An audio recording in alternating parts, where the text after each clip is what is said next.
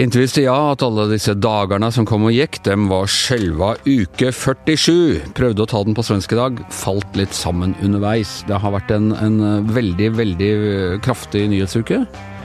Frode Berg, eh, Netanyahu tiltales for korrupsjon, Trump står for riksrett, det er opptøyer i Hongkong. Uh, samhandlingsreformen slår sprekker. Og, og, i det hele tatt Vi, vi må bare gjøre et lite utvalg av, av alle disse sakene her. Uh, i Giæver og gjengens ukeoppsummering i dag. Har med meg Tone Sofie Aglen, uh, Yngve Kvistad, Astrid Mæland og Hanne Skartveit. Og jeg lurer på om vi skal begynne med uh, den mest juicy saken, uh, Yngve. Vi har snakket om det før, men ting har skjedd etter det.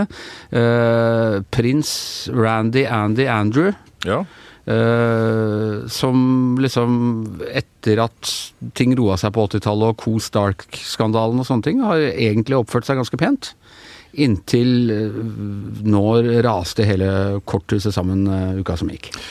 Ja, han I et BBC-intervju uh, for ei uke siden, sist lørdag, beste sendetid, uh, så ble han jo konfrontert da med en del uh, rykter som har gått over lang, lang tid. Og ikke bare rykter heller, men også en sånn faktiske forhold, som bl.a. går på et, i hvert fall på et tidspunkt, nært forhold med en amerikansk milliardær som heter Jeffrey jeg på å si Jeffrey Archer. Jeffrey Epstein. Epstein på britisk, mm. Epstein på engelsk. Omvendt, mener jeg. Amerikansk. Var det han som var manageren for Beatles? det var han som var manageren. Han uh, er, eller var straffedømt for uh, gjentatte tilfeller av menneskehandel. Han drev en, angivelig en korrupsjonsring bestående av mindreårige jenter. Og en av disse jentene har da angivelig også fått betalt for å ha sex med denne prinsen. da. Og så, Dette blir han jo stilt til, eller konfrontert med i dette BBC-programmet, og han eh, kommer altså med så mange rare unnskyldninger og tøvete bortforklaringer som gjør at det er veldig vanskelig å ta ta det seriøst. Min favoritt var Også, at hun hadde sagt at han svetta så fælt, og det kunne ikke stemme, for han hadde etter Falklandskrigen fått et syndrom som gjorde at han ikke svetta. Ja. Men det syndromet hadde gått over nå, så nå var han begynt å svette. Ja, og også et bilde, da, et fotografi av han og denne unge jenta, Virginia Roberts, eh, som da på tidspunktet angivelig er bare 17 år. Uh, altså Det må være da nærmest manipulert, for han, har ikke, han er ikke iført dress og slips, som da ville ha vært hans kongelige grunnutrustning i uh, London på den tida der. Dessuten var det satt i en etasje han veldig sjelden var i. Ja, så det er, liksom, det er, sånn, det er sånn flere ting som, uh, som er tøvete. Men altså, vær så men vær så oppbrakt er jo britene over det han ikke sa. For det er jo ikke én gang i løpet av det intervjuet på ca. 50 minutter hvor han har uttrykker noe som helst medfølelse eller sympati med disse ofrene for denne menneskehandelen da, som hans på et hvert fall tidspunkt nært uh, nære venn eh, Jeffrey eh, Epstein sto bak. Og etter at vi hadde snakket om det forrige gang, dagen etter faktisk, så kom det da beskjed om at han nå hadde Han ville i overskuelig, eller uoverskuelig, det er jeg ikke sikker på, fremtid ikke ha noen offisielle plikter. Nei, også, han har jo til og med frasagt seg en god del sånne høye beskytterverv, da, som tilfaller ofte kongelige. Ja. Uh, for, uh, Men Hva slags plikter hadde han, hva slags oppgaver hadde han? Uh, nei, altså han har jo... Han hadde, noen broer nei, og sånn? Nei, altså han hadde ikke noe særlig plikter utover det å være en sånn gallionsfigur som mange kongelige da har på det nivået der. Problemet litt i England vet du, det er at det er jo så veldig mange etterkommere, og, og den kongelige familien er ganske store, så det liksom å tildele oppgaver til alle sammen er et litt uh, problem, rett og slett. Ja. Uh, han var jo, han starta ut som faktisk som, som, nummer to i arverekkefølgen etter uh, prins Charles, hans storebror. Så har det jo rent på med nevøer og sånn. Var ikke prinsesse Anne i rekkefølgen? Nei, nei. Hvorfor ikke? Fordi at det går jo det første mannlige. Ah, ja, men eh, Dronning Elisabeth er jo dronning. Så de hadde ingen brødre. Men hun hadde ikke søsken. vet du. Ah, ja. ja. Eller søsken hadde jo, men hadde ikke brødre. Nei. Uh, nei da, så, Og nå er han jo nummer åtte da, i arverekkefølgen, så han har jo kommet stadig rykket lenger bak i køen. Sånn sett. Uh, men vet du, et hovedproblem her er jo, er jo at nettopp at han ikke har hatt en ordentlig rolle i, han har slitt for å finne sin rolle i kongefamilien og i det offentlige. For både hertuger og hertuginner og sånt av forskjellige ymse slag har jo, har jo, en del ting som til ja, av tradisjon og sånt. De har en del som plikter, men han har ikke Noen skal gå som baklengs foran parlamentet når de åpner. Ja, det, er sånne ting. Så, så, det, er, det, er, en som så, gjør det. Så, han, så, han, har jo da også ikke, ikke, hatt noe økonomisk fundament. Han har, han har egentlig ingen apanasje. Han, har, eh, han, får eh, litt penger fra dronninga, et såkalt eh, sånn stipend, som han kaller det, som ikke er et stipend. Som Lommepenger, som vi andre kan Lommepenger, ja. det er ikke stipend, det er stipend. Ja, men det er noe annet. Og så hadde han jo en veldig dyr, om ikke dyr kone, i hvert fall en veldig dyr skilsmisse og en dyr ekskone. Fergie. Fergie. Sara Ferguson. Så hun pådro seg en god del forbruksgjeld, som da denne uh, Epstein også var med å å sanere. Da. Så han, han satte seg ut som en slags sånn økonomisk uh, ja, Krise. Krise, ja. Sånn, uh... Selv om han hadde stipend. Hanne Skartveit, monarkist og politisk redaktør i VG. Hvordan forsvarer du dette? Takk skal du ha. Jeg er en pragmatisk, pragmatiker i dette spørsmålet. Jeg mener at det norske kongehuset fungerer veldig bra. Men, og britiske dronninga syns jeg er kjempekul. Ja. Men de der sønnene hennes, og særlig Andrew, det er klart at det er ikke noe å forsvare. Og tenk deg for et ørkesløst liv. Være født inn i det der, ikke ha noe verken plattform, ikke noe yrke. Hva skal de drive med? Det er, er Charles han blir jo snart 100 år, er ikke blitt konge ennå. Snakk om å vente lenge på å bli myndig. Ja. Ja. Altså, dette har jeg ikke tenkt å forsvare, Giæver. Nei. Jeg hadde håpet jeg skulle kunne få litt, få litt debatt rundt Men, da, eh, men altså, når, til prins Andrews forsvar, da, kan vi si at han, han har jo faktisk forsøkt å, å skaffe seg et uh, utkomme. Han tok militær utdannelse, han er, han er utdanna Sea King-pilot. Han var med under Falklandskrigen. Uh, han er en slags krigshelt fordi at en av jobbene hans, en av oppgavene hans blant annet, det var å fly sånn såkalte decoy-oppdrag, altså avledningsmanøvre for, for argentinske raketter. Og det er klart at uh, det går an å pådra seg posttraumatisk stress av, av, det, altså. Ja da. Så, så uh, men som da fleste piloter, når du når en viss alder, så blir du satt på bakken. Han gikk til en kontorjobb i Whitehall, i, i krigsministeriet, nær sagt, i Forsvarsdepartementet. Jobba der til han ble dimittert etter aldersgrense. Gikk av i 2009, og hadde da egentlig ingen annen inntekt enn den pensjonen som han hadde da fra, fra Forsvaret. Nei. Og det er klart å opprettholde da en kongelig livsstil på det grunnbeløpet der, det er nok ikke enkelt. Så skal enkelt. det helt forklare hvorfor han ligger med 17 år gamle jenter? Nei, men, men, men, men, det er jo, det er jo via, via, det her at han kommer i kontakt med denne, denne Epstein. Eh, for øvrig via hans sier han i hvert fall sjøl, via hans uh, altså Epsteins daværende kjæreste, som er da yngste dattera til, til, til, Robert Maxwell. Denne tsjekkiskfødte mediemagn ja, mediemagnaten ja. som er da kjent for uh, to ting. Det ene er at han tapte hegemoniet mot Robert Murdoch, det andre var at han loppa pensjonskassa i, i Labour-avisa Daily Mirror. Selv Kjell Magne Bondevik har jo hatt kontakt med han Epstein og har nekta å ta imot penger fra han. Fred, eller altså fredssenteret til, til Bondevik. da. Tone Sofie, hva Jeg melder meg på debatten. Meld deg på nei, ja, nei, jeg har jo Mine kunnskaper om den britiske kongefamilien eh, avtok eh, når jeg slutta å lese min bestemors hør som liten. Eh, men i det siste så ser jeg jo på The Crown og har kunnskapen derfra. Og, det er litt sånn interessant, du snakker om at den ikke har funnet plassen sin eller en rolle. Jeg synes jo Det er jo liksom det som kjennetegner omtrent alle, bortsett fra dronninga, er jo han eh, Philip. mannen, han er jo konstant, føler ikke at han har en verdig plass i kongefamilien. Eh, Søstera til dronninga, hun Margaret, hun har jo ikke en plass i familien som hun føler bra nok. Ja, dronninga sjøl sier jo at hun egentlig heller vil opp, eller ale opp hester, hvis hun kunne Diana velge sjøl. Diana sleit vel også litt med rollen ja, ja, altså Det virker jo som at det var litt sånn, en litt sånn gjenganger uh, i, i den familien. Kanskje i mange familier. Folk i gullburet, rett og slett. Ja, ja. De rike har problemer, det, og det er jo noe av grunnen til at vi liker å lese og, og høre om det. Men jeg, føler, jeg har fulgt meg litt bakpå med sett den derre Succession-serien, som jo øh, er en slags sånn øh, nøkkel... Eller ikke nøkkelroman, men den er åpenbart bygget på Murdochene. Og det handler jo bare om hvor kjipt det er å være rik, liksom. Du, du har ikke mye lyst til å være rik etter å ha sett den. Så er det moralen vi kan trekke av det hele? Uh, jeg, vil, jeg husker om det første eller andre sesong av The Crown, så er det i forbindelse med at de skal ta et sånt stort familiebilde av, av kongefamilien. Uh, og så er det en som sier, jeg tror det er lagt i munnen på, på prinsesse Margaret, at uh, eh, alle sammen står og kikker inn på oss, alle vil inn i dette her, mens vi bare vi vil ut. Ja. ja. ja nei, kanskje vi burde gå litt på omgang i eh, rullerende kongehus? Jeg har ikke tenkt å melde meg frivillig. Nei. nei. Eh, Men der, man skulle sikkert klart å finne noen. Bare se på alle som melder seg til Paradise Beach og alle disse reality-seriene. Er sikker på det. The Royalty. At du helt sikkert kunne få, få frivillige påmeldt der. Det er jo uansett slik at alt det her er Wallis Simpsons skyld. Ja, vi drar ikke hele den debatten. Nei, men kjære deg, Da hadde vi jo hatt en ganske så brunstripa det konge i eh, England. sånn at jeg tror egentlig at det Gromit sin skyld, men Ja, nei, eh, vi tar ikke hele nazikongedebatten eh, akkurat eh, her i dag. Um, Det har vært eh, nye høringer i eh, eh, i Kongressen i USA, i Representantenes hus. Eh, Per Olav Ødegaard er ikke her i dag. Han og jeg sitter og følger med på det som, eh, som sånn riksrettnerder.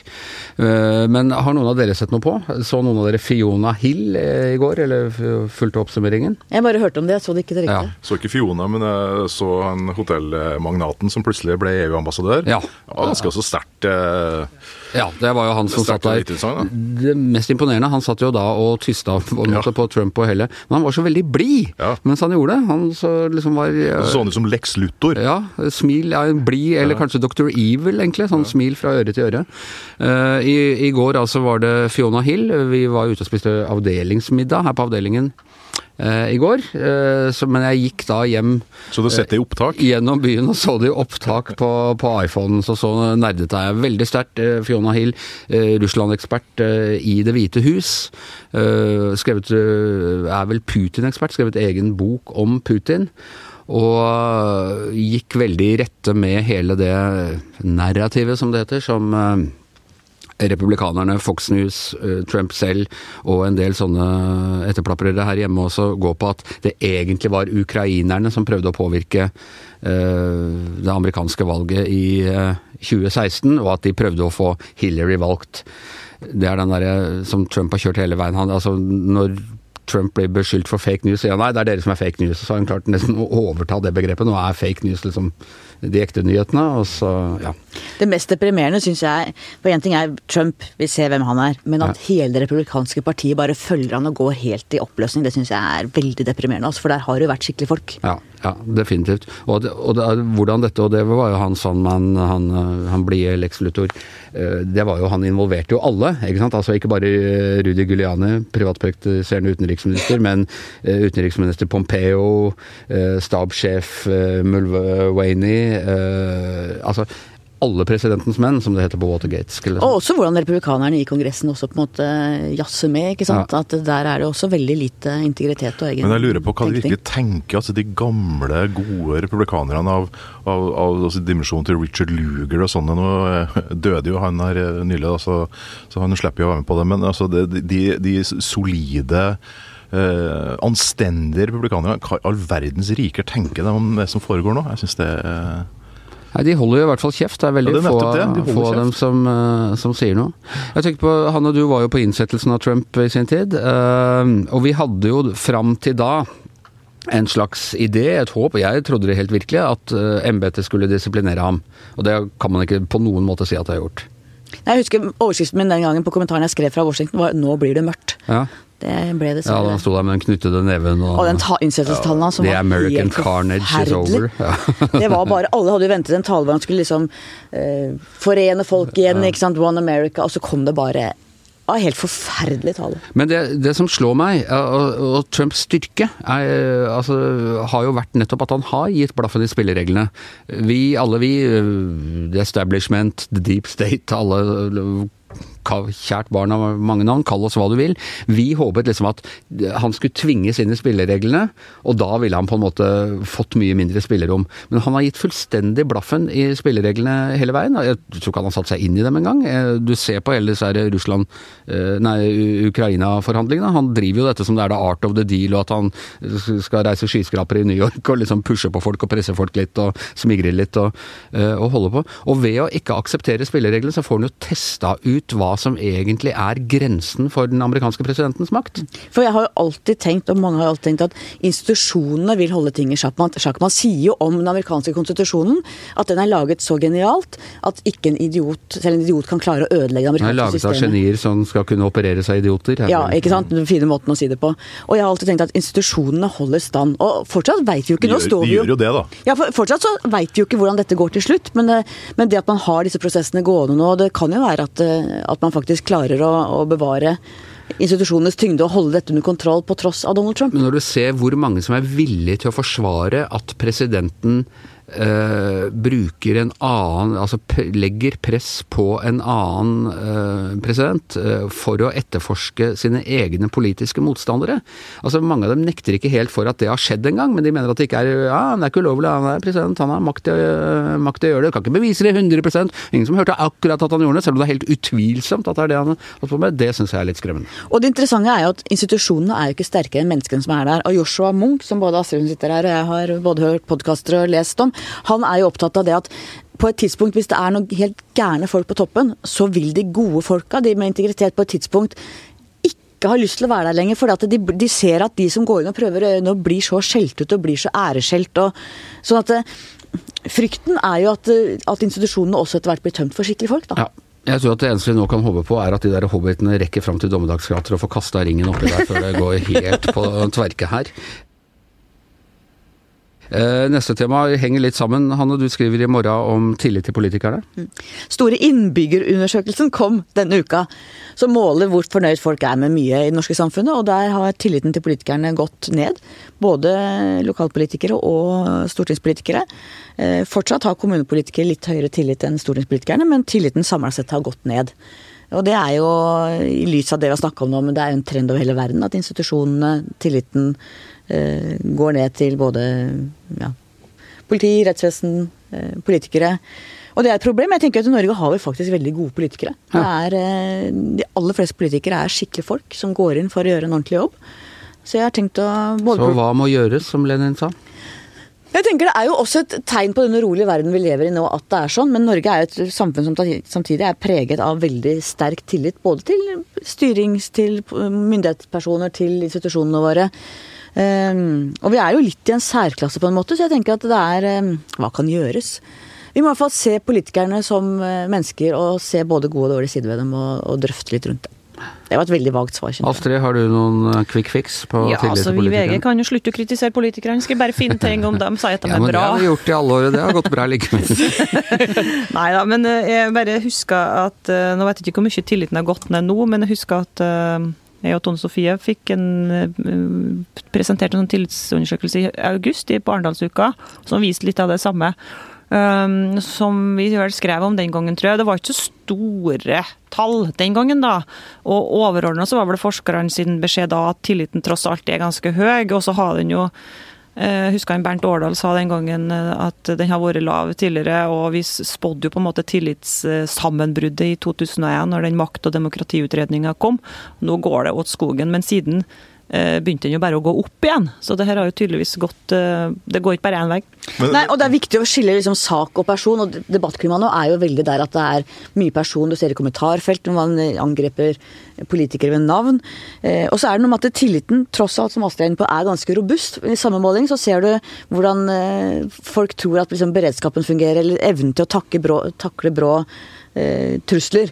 Hvor den gikk veldig ned rett etter 22. juli, men nå er den tilbake på normalen igjen. Så at det er noe med at man kan få en dipp i tilliten, og så kan man håpe at det, at det er så robust grunnlaget. Det er jo ikke så beroligende, for det har- det har ikke skjedd noe som har styrket troen på beredskapen. Det er bare at det er lenge siden det skjedde noe som man tror kanskje at noe ikke skal skje. Tone Sofie? Nei, men det er jo litt eh, alarmerende, for den politiske tilliten har jo vært stabilt høy, og det er jo det som har uh, særmerka Norge, eller eh, også Norden, da. Og, og det vi ser er når det kommer sånn type politiske skandaler og sånn, så kan partier eh, falle på målinger og den type ting, men den politiske tilliten er eh, stabil. Så har vi jo vært veldig spent på, for det vi har vært gjennom et par år hvor det har vært ja, ekstremt mye politiske skandaler. Det sier jo litt når man drev og oppsummerte skandaleåret, så kom ikke engang den der stortingsgarasjen og at stortingspresidenten måtte gå, kom ikke engang med på topp ti-lista.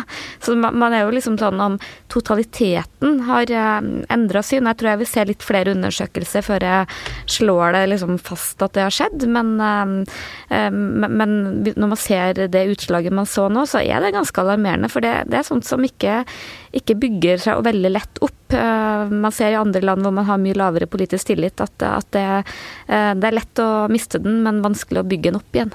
Men er det her gjelder stortingspolitikere, rikspolitikere, eller er det Begge deler. Begge deler politikere under ett, altså lokalpolitikere? Ja, de skiller, de skiller eh, De spør om begge deler. De skiller stortingspolitikere og uh, kommunepolitikere.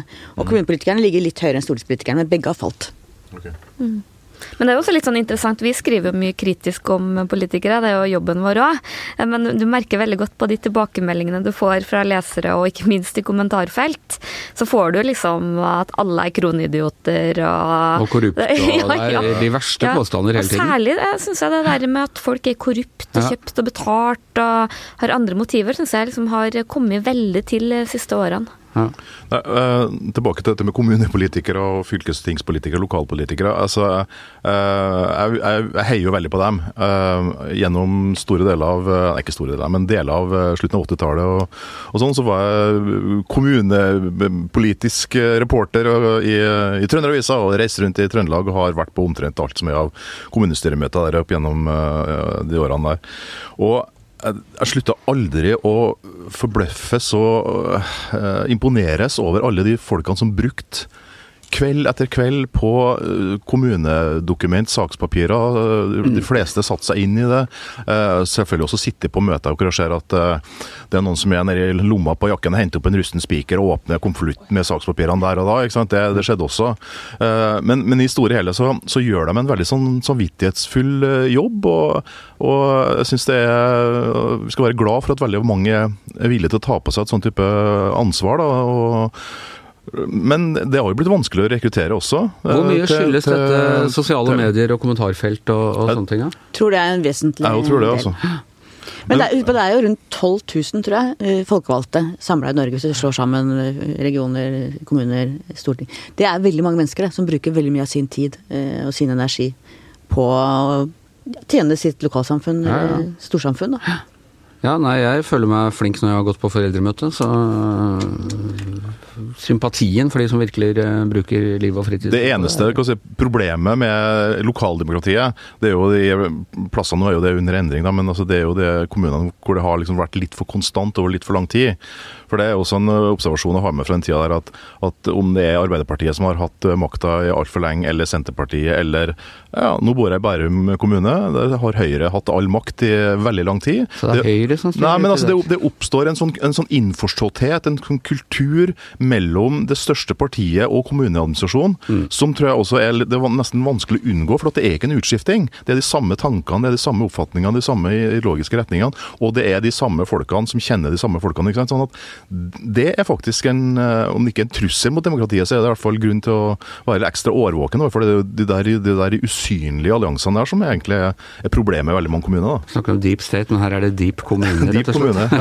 men det var vel ikke i Bærum at de åpna konvoluttene med rustne spikere? Nei, det var det ikke. Men det er kanskje noe med, med tidsånden og protestbølgen som uh, farer over vårt land og Europa osv. Men kanskje slike ting som nærpolitireformen er med på å, å, å bryte ned tilliten, tenker jeg, til navnløse politikere. Når folk opplever det at uh, det ikke kommer politi selv om de står med en forbryter som de ikke på fersken i ja, garasjen sin. Det er masse sånne historier rundt om i Norge nå. og Det er jo kjempehøy tillit til, til politiet sjøl. De kommer jo til å komme hvis jeg får en tyv i huset mitt, men hvis det ikke skjer, så bryter jeg ned tilliten. Det har jo noe med mye reformer og sånn å gjøre, og som ikke har gått så bra, da. Ja. Heng ham, ikke vent til jeg kommer. Det blir jo selvtekt og sånn av, av sånt. Uh, ja, uh, siste tema. Uh, neste uke er den endelig her. Black Week alle er klar over hva Black Week er for noe? Alle gleder seg til Black Week. Yngve ser ut som han ikke veit det. Det starta med Black Friday, som altså var en utsalgsdag i, eh, Eh, Sikkert i, Amerika. I USA, ja. Hvor du fikk flatskjermer til halv pris og, og sånne ting. Folk ble tråkka i hjel rundt omkring på kjøpesentrene. Og det er altså dagen mellom thanksgiving og helgen hvor de har noe som vareopptelling. Og Ja, det billig. Ja. Og nå har det, som alle andre gode amerikanske tradisjoner, blitt importert av næringslivet til Norge. Ja, men Black Week har jeg aldri hørt om. Nei, men det er kommet nytt. Det er nytt, Ah, ja. Så øh, hvis du skal ha flatskjermen, trenger du ikke bare kjøpe på fredag, kan du kjøpe flatskjerm hver dag. Og, og Tone Sofie, du har sett litt nærmere på Jeg begynner som handelstrendanalytiker. ja, som handelstrendanalytiker. uh, hva kan du si om Black Week? Jo, akkurat om Black Week kan ikke jeg si så fryktelig mye ennå, men, eh, men man har jo analysert julehandelen. Ja. Og, det, og det er litt sånn artig fenomen, for vi handler for eh, minst 10 000 per person i desember. Og, og, og Per er- person, hvert eneste hode i Norge, liksom? Ja. eh, Det er selvfølgelig noen som handler mer, og noen Ja. som handler mindre. Men det interessante Det er jo blir ikke julegave for 10 000 fra meg, såpass mye kan jeg si. Det er jo med mat og alt. Men um, for handelsnæringa så betyr julehandelen utrolig mye. Særlig enkelte bransjer. Leketøysbutikker.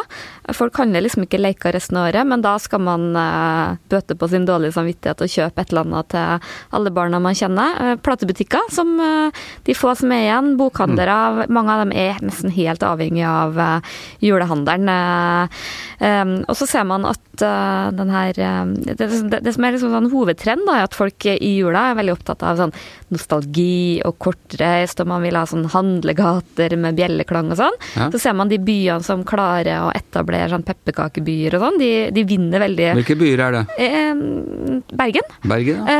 Eh, Tromsø har eh, Trondheim.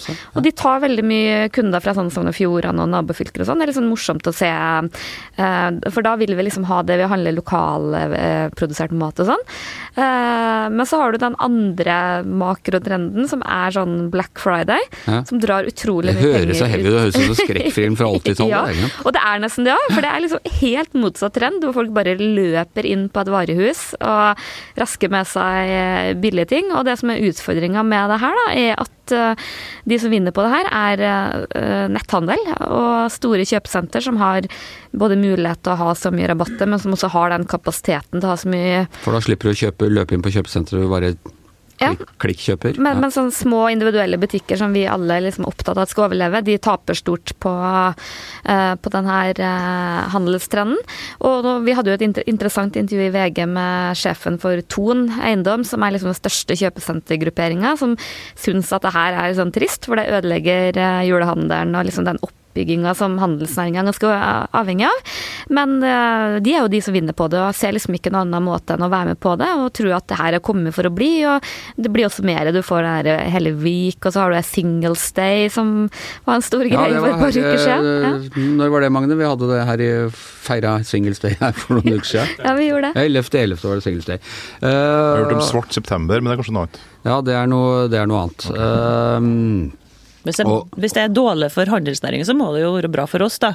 Altså, det, er en, det er en hel del butikker som taper på det, som kanskje går konk og sånn, men altså Det betyr jo da tydeligvis at de selger bare og, uten å tjene penger på det. Så for som for, oss forbrukere, så må det jo være bra, da. Vi får billigere varer. ja. Ja, Bortsett fra at du da får eh, mer utarma bysentrum. Og eh, for egen del, jeg har aldri vært noe glad i de svære kjøpesentrene. Jeg føler meg alltid litt eh, Kjære- liten der. Og hvis det er klart at hvis det er de småbutikkene du tar på, så mister du en kvalitet ved rett og slett bysamfunnet, da.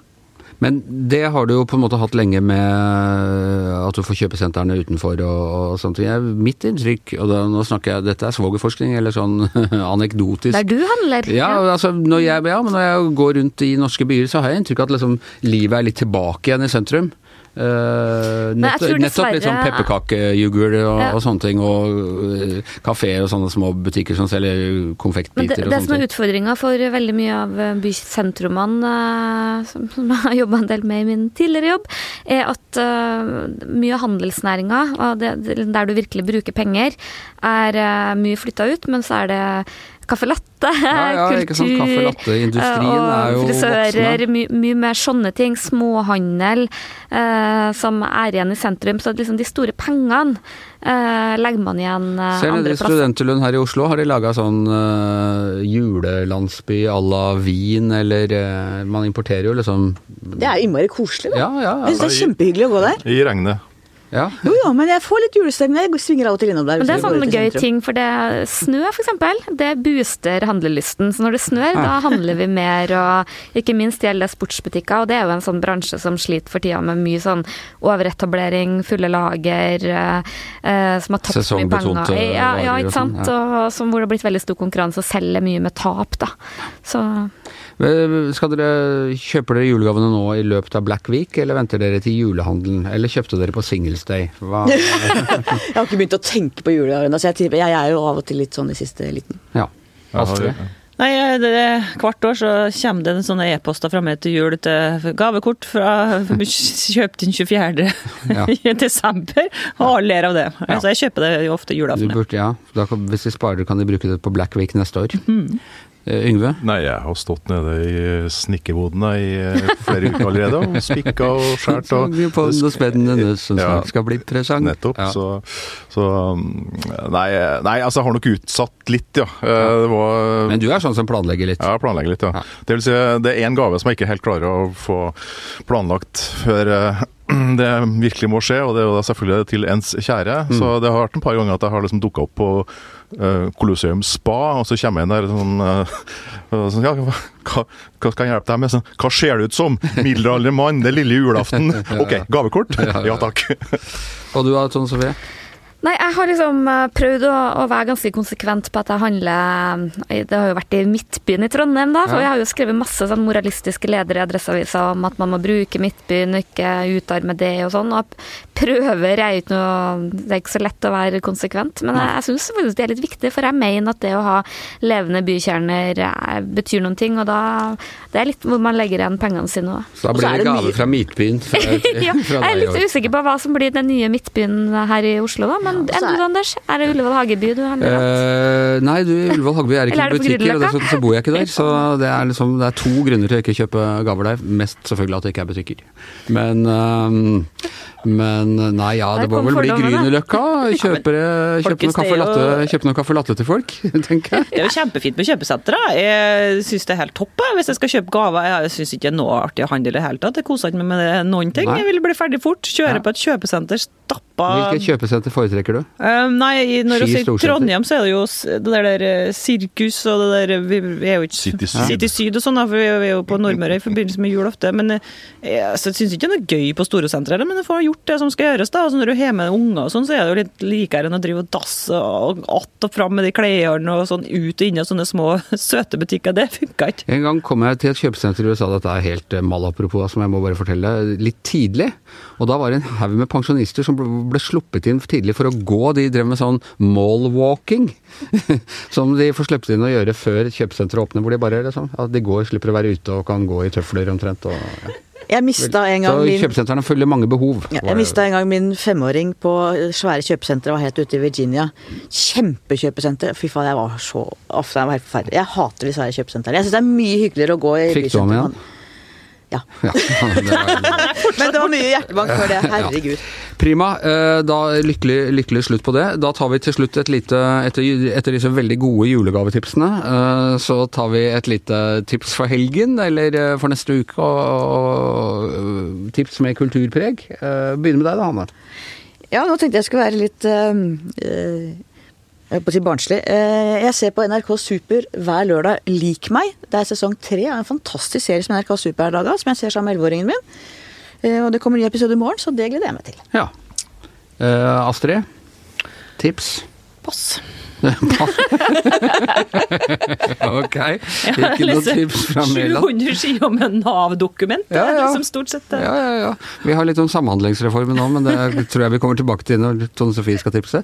Uh, Yngve, hva har du som tips? Nei, jeg er jo litt inne i en sånn royal steam om eh, dagen. Jeg er jo storforbruker av bøker om eh, Storbritannia og britisk politikk og politikere og kong- kongelige sånn. Og nå har jeg tenkt å, eller jeg har eh, kjøpt eh, den nye boka av Inger Mette Hobbelstad. Ja. Dagbladet-kollega som har skrevet om årene med Elisabeth. Må si hun hadde god timing på den Ja, veldig bra. Og, og eh, får god anmeldelse av Bernt Hagtvedt Ja. i sin egen avis i dag, så den er jeg veldig nysgjerrig på. Ja. Den, Den, eh, Han har skrevet med begeistring, har jeg inntrykk av. ja, det, er- det tror jeg på. Så den, eh, den skal jeg lese i helga. Godt tips. Du, Tone Sofie. Samhandlingsreformen. Eh, Bent Høies nye sykehusplan? eh, nei, jeg har jo sett mye TV de siste dagene og um, fått med meg en relativt ny serie. Jeg er jo ofte ikke den som får med meg ting fortest, men på HBO så går det en norsk serie som heter Beforeigners. Uh, som, ja, Det høres helt vilt ut når du forteller hva det handler om, men det handler om at det kommer en flyktningebølge til Norge med folk fra gamle dager.